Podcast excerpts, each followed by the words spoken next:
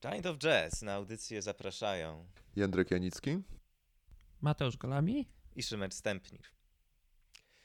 Portraits in Jazz, portrety jazzowe autorstwa Billa Evansa, rok 1960, 8 miesięcy po Kind of Blue. To, Przypomnijmy przepraszam, skład. tylko ci przerwę, bo to widzę, że Kind of Blue to takie jest dla nas e, cezura czasowa, jak narodziny Chrystusa przed narodzinami i po, nie? No, to tutaj przed to Kind tak- of tak Blue i po.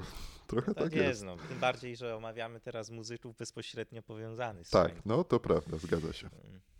W każdym razie Bill Evans, właśnie który zresztą grał na Kind of Blues, z wyjątkiem jednego utworu, fortepian, Scott LaFaro, ulubieniec Jędrzeja na basie, Prawda. Paul, Mo- Paul Motion na, na perkusji, Tylko Jorin, tak? ty, wydaje mi się, że ze względu na ormiańskie pochodzenie, to zawsze są wątpliwości co do sposobu wymawiania nazwiska tego, tego muzyka. Jakby się trzymać tych, tych jego korzeni, to pewnie Jak, jak, jakby ktoś chciał, to możemy sprawdzić zawsze. tak, pewnie. Mówicie o, o, o, o tak? Nie. Tak, On jest z pochodzenia takiego, czyli stawiałbym, że Motian tak chyba, ale no to mniejsza o to szczegóły. Mhm. Bo to też, też mój idol w sumie. To nawet nie wiedziałem, że, że, że miał ormiańskie korzenie. Ale patrzcie, to ciekawa sprawa, trochę prywaty, bo taka płyta i tu trzech idoli dla, dla Mateusza perkusista, dla Szymona pianista z tej płyty, a dla mnie kontrabasista, więc to jakieś tutaj galeria gwiazd naszych Ale- no. prywatnych. Mhm. no tak, no, dlatego pewnie to jest jedna z naszych ulubionych płyt, bo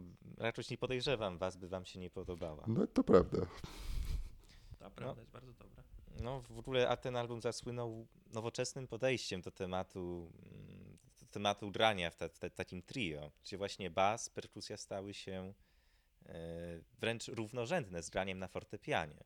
Bo wcześniej, e, no wcześniej, wcze, wcze- wcześniej to raczej to były tylko raczej instrumenty akompaniujące, byją, będące w tle. Tutaj rzeczywiście, tak jak chyba kiedyś Jędrzej w naszej prywatnej rozmowie zauważył, e, dużo jest właśnie tutaj tej chemii pomiędzy muzykami. Te... Halo, jesteśmy? Tak, tak, tak, tak, słuchamy w Tak, tak, napięciu. już słuchamy. E, Dużo jest, możemy wyciąć. Dużo jest chemii pomiędzy muzykami. Tutaj po prostu każdy instrument jest równorzędny sobie. Żaden nie, nie stara się wychodzić przed szereg. Niesamowita synteza, nie? Nie, nie uważacie? Tak, tak, Znaczy, tak. ja bym- Mhm. Na pewno, ale ja bym powiedział, że, że jednak e, Bill Evans e, tutaj, tutaj jest niekwestionowanym liderem i rzeczywiście ten jego sposób gry to jest coś, co, e, no, że tak powiem, rozwala system, to moim zdaniem. To jest po prostu e, no, tak, e, tak nie, nietypowe granie właściwie w jazzie, prawda? Bo zwykle fortepian jazzowy zn- znowu jest takim instrumentem dosyć gęstym, prawda? On, on rzadko tworzy przestrzeń, rzadko tworzy jakieś nastroje, pejzaże, prawda? A Bill Evans jest takim pianistą, właśnie, jego się porównuje z, tymi, y, z tym późnym romantyzmem y, muzyki klasycznej, czyli z Ravelem, z Debussym i to bardzo wyraźnie słychać, prawda? On takie tworzy plamy dźwiękowe, takie pejzaże, nastroje y, za pomocą tych akordów, prawda? No to jest rzeczywiście jeszcze na, tej płycie może to nie jest aż tak bardzo widoczne i nie jest może aż tak, tak nie, nie się w oczy, czy w uszy właściwie, Natomiast, natomiast yy, ale, ale już ten, ten styl takiego charakterystyczny tutaj się mocno kształtuje, prawda? I to jest rzeczywiście moim zdaniem coś takiego bardzo unikatowego i coś, co, co yy, no, jest taką jedną z, z, z, jednym z symboli jazzu, prawda? Właśnie to brzmienie, yy, brzmienie Billa Evansa to jest właściwie, no, moim zdaniem w historii jazzu jedna z ważniejszych spraw. Tak, bo wiesz co, tak sobie pomyślałem w ogóle, że czasem jak się używa takich niezrozumiałych nazw, niezrozumiałych odniesień do różnych stylów muzycznych, to mówiąc o Billu Evansie, że ma podłoże klasyczne, że jakby wychodzi z muzyki klasycznej, to słychać w każdym dźwięku. Tak, tak. Mhm, I poza tym jeszcze to brzmienie. Zastanawiałem się, co jest w nim takiego fenomenalnego. Jak Dla mnie to właśnie to, że on w żadnym miejscu się nie popisuje. To nie są jakieś szybkie frazy, jakieś wysokie odległości pomiędzy dźwiękami, jakieś wybitne harmonie. On jest trochę takim Davidem Gilmurem, Gilmurem fortepianu.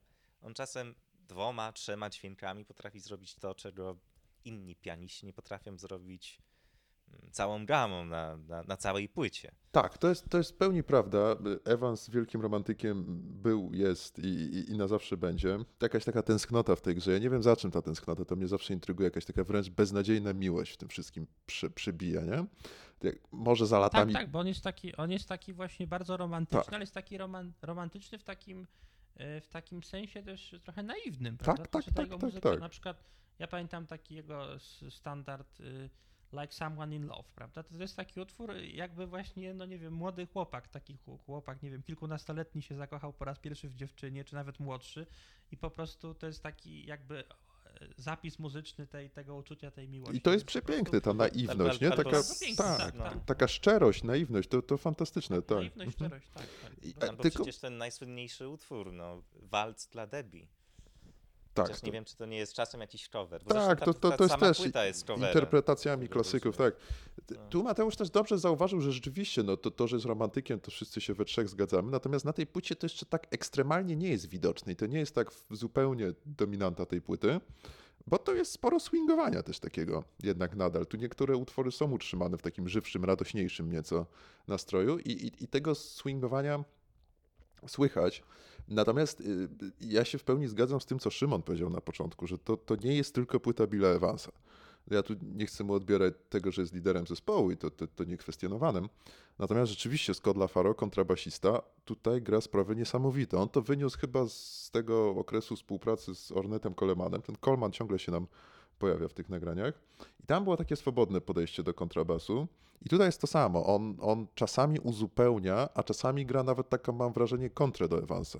Tworzy jakieś takie pochody, nawet właśnie nie tworzy pochodów, bo pochód basowy to się kojarzy tylko z tłem, tak? Jakimś tam tłem właśnie dla improwizacji. A on tu często tworzy takie y, po prostu solówki basowe utrzymane w ryzach. No i to takim szerokim jazzie to wydaje mi się pierwszy raz yy, taki sposób traktowania kontrabasu. Zresztą bardzo młodo zmarły kontrabasista, miał 25 lat. Wiadomość o śmierci jego zresztą popchnęła Evansa jeszcze bardziej e, w szpony nałogi, który jak wiemy, no, wyniszczył jego karierę, jak się wydaje, i no, mocno właśnie, zahamował. Właśnie miałem powiedzieć, mhm. czy, to, czy, to, czy to heroina, czy romantyzm u Billa Evansa jakby grają pierwsze nuty. No, ale jeszcze coś powiem o tym basie, bo Wiesz co, bo bas tutaj rzeczywiście robi bardzo dużo. Te linie są melodyjne, dobrze robią tło, co pozwala Evansowi na więcej takich subtelnych eksperymentów. Ale no tutaj jak spojrzeć na kolejne płyty Evansa, już po śmierci Lafaro, to mam wrażenie, że trochę ta magia z innymi basistami tak nie działała. Też mi się Tutaj tak panowie się, się, się, bardzo dobrze rozumieją. Mhm.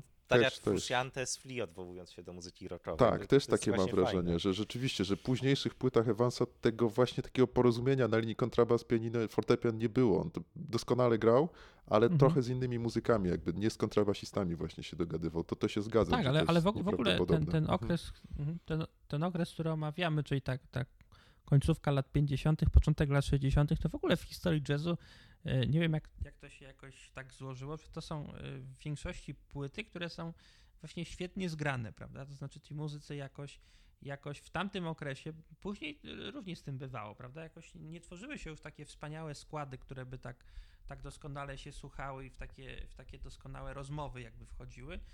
E, no ja tak właśnie przeszukuję szybko pamięć, ale no, nic mi się takiego nie kojarzy. Taki, no, pamiętam, ale to może, może jest jakieś tam osobiste takie, y, takie taka, taka sympatia do, do y, trio Billa Frizella z Jayem Baronem i Kermitem Driscollem, prawda? Oczywiście też świetnie zgrani muzycy, ale gdzieś y, te najlepsze, najlepsze zgrania to moim zdaniem ta, ta końcówka lat 50. i początek 60., a potem już, już to były takie zespoły trochę może bardziej z przypadku, prawda? Trochę, trochę ci sidemeni byli tak dobierani właśnie na zasadzie, nie wiem, jakiegoś castingu przypadku. Tam nie, nie, nie było takiej nie było właśnie takiego współistnienia różnych osobowości, które y, były silne, prawda? Nie było takiego y, typowo jednego lidera, który, który by tutaj tak wyraźnie dominował album, prawda?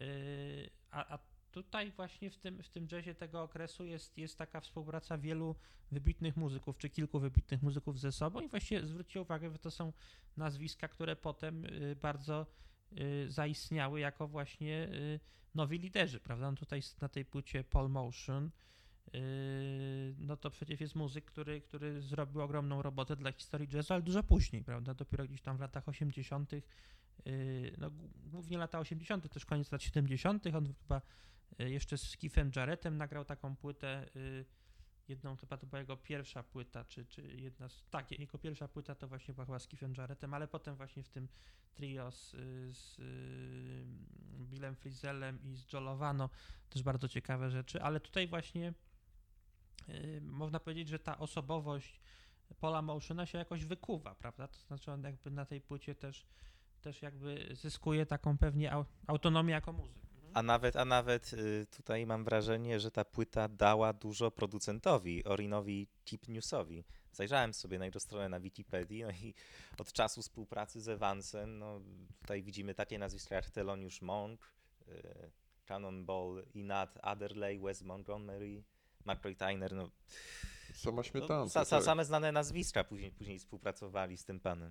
Tu jest jeszcze jeden wymiar tej płyty. To jest takie granie trochę, tylko nie zrozumcie mnie źle, bo to tutaj tym razem jako e, komplement chciałbym, żeby to zabrzmiało, ale ono ma trochę takiego knajpianego, przydymionego wydźwięku w sobie. To mi się bardzo podoba, chociaż to określenie knajpiany to mi się zawsze kojarzy z, z jednym z dialogów z filmu Whiplash, znakomitego zresztą, w którym właśnie to określenie knajpiany było z taką pogardą rzucane do jakiegoś tam jazzu, wiecie, do którego, a tam się tak granie, do kotleta, mniej więcej to coś takiego oznaczało. Natomiast tutaj to trochę łapie, łapie ten nastrój, momentami przynajmniej takiej jakiejś, wiecie, restauracyjki, może nie, ale kafejki. Już tam dawno nie byłem w takich miejscach, ale mniejsza o to. I, i, I trochę jest takie przenoszenie, natomiast jak najbardziej pozytywne, że to nie jest żadne granie takie, żeby tylko umilić czas, ale uchwytuje ten nastrój w pewnym zakresie. Takie mam wrażenie przynajmniej. No, są, kawiar, są kawiarnie i kawiarnie. I speluny. No. Tylko, że ja bardziej... myślę, że w ogóle... Mhm.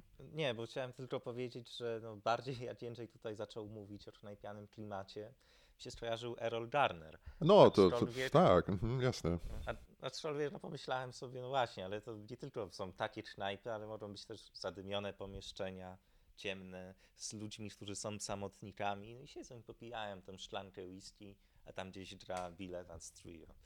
Także no, właśnie okay, to, dobra. To co, to, co, to, co Szymon powiedział właśnie, to jest ciekawe, że jak się e, te klasyczne albumy jazzowe e, słucha i potem ja patrzę na te podpisy, na te opisy e, na, na, na, na YT, nie, nie wymieniamy nazwy, pod, pod, pod nagraniem i tam jest najczęściej napisane właśnie, że najlepiej się tego słucha właśnie z cygarem, w ustach i z szklanką whisky gdzieś tam w jakimś klubie zadymionym, więc myślę, że, że w ogóle taki klimat to, to ewokują w większości te, te, te albumy jazzowe wczesne, ale w ogóle jazz jest taką muzyką chyba trochę właśnie, która się kojarzy jakoś z zadymionym jakimś klubem właśnie, albo jakąś ulicą, nocą, tak, y, miastem, miastem nocą, to myślę, że, że jazz w ogóle ma taki, w ogóle to jest taka muzyka trochę klubu nocy, ona, ona gdzieś takie, takie klimaty tworzy, których być może wcześniej w ogóle E, jakby nie było w muzyce, prawda? Taka trochę, takie trochę stworzenie, jakby, jakby opisanie nowych nastrojów, czy nowych jakichś,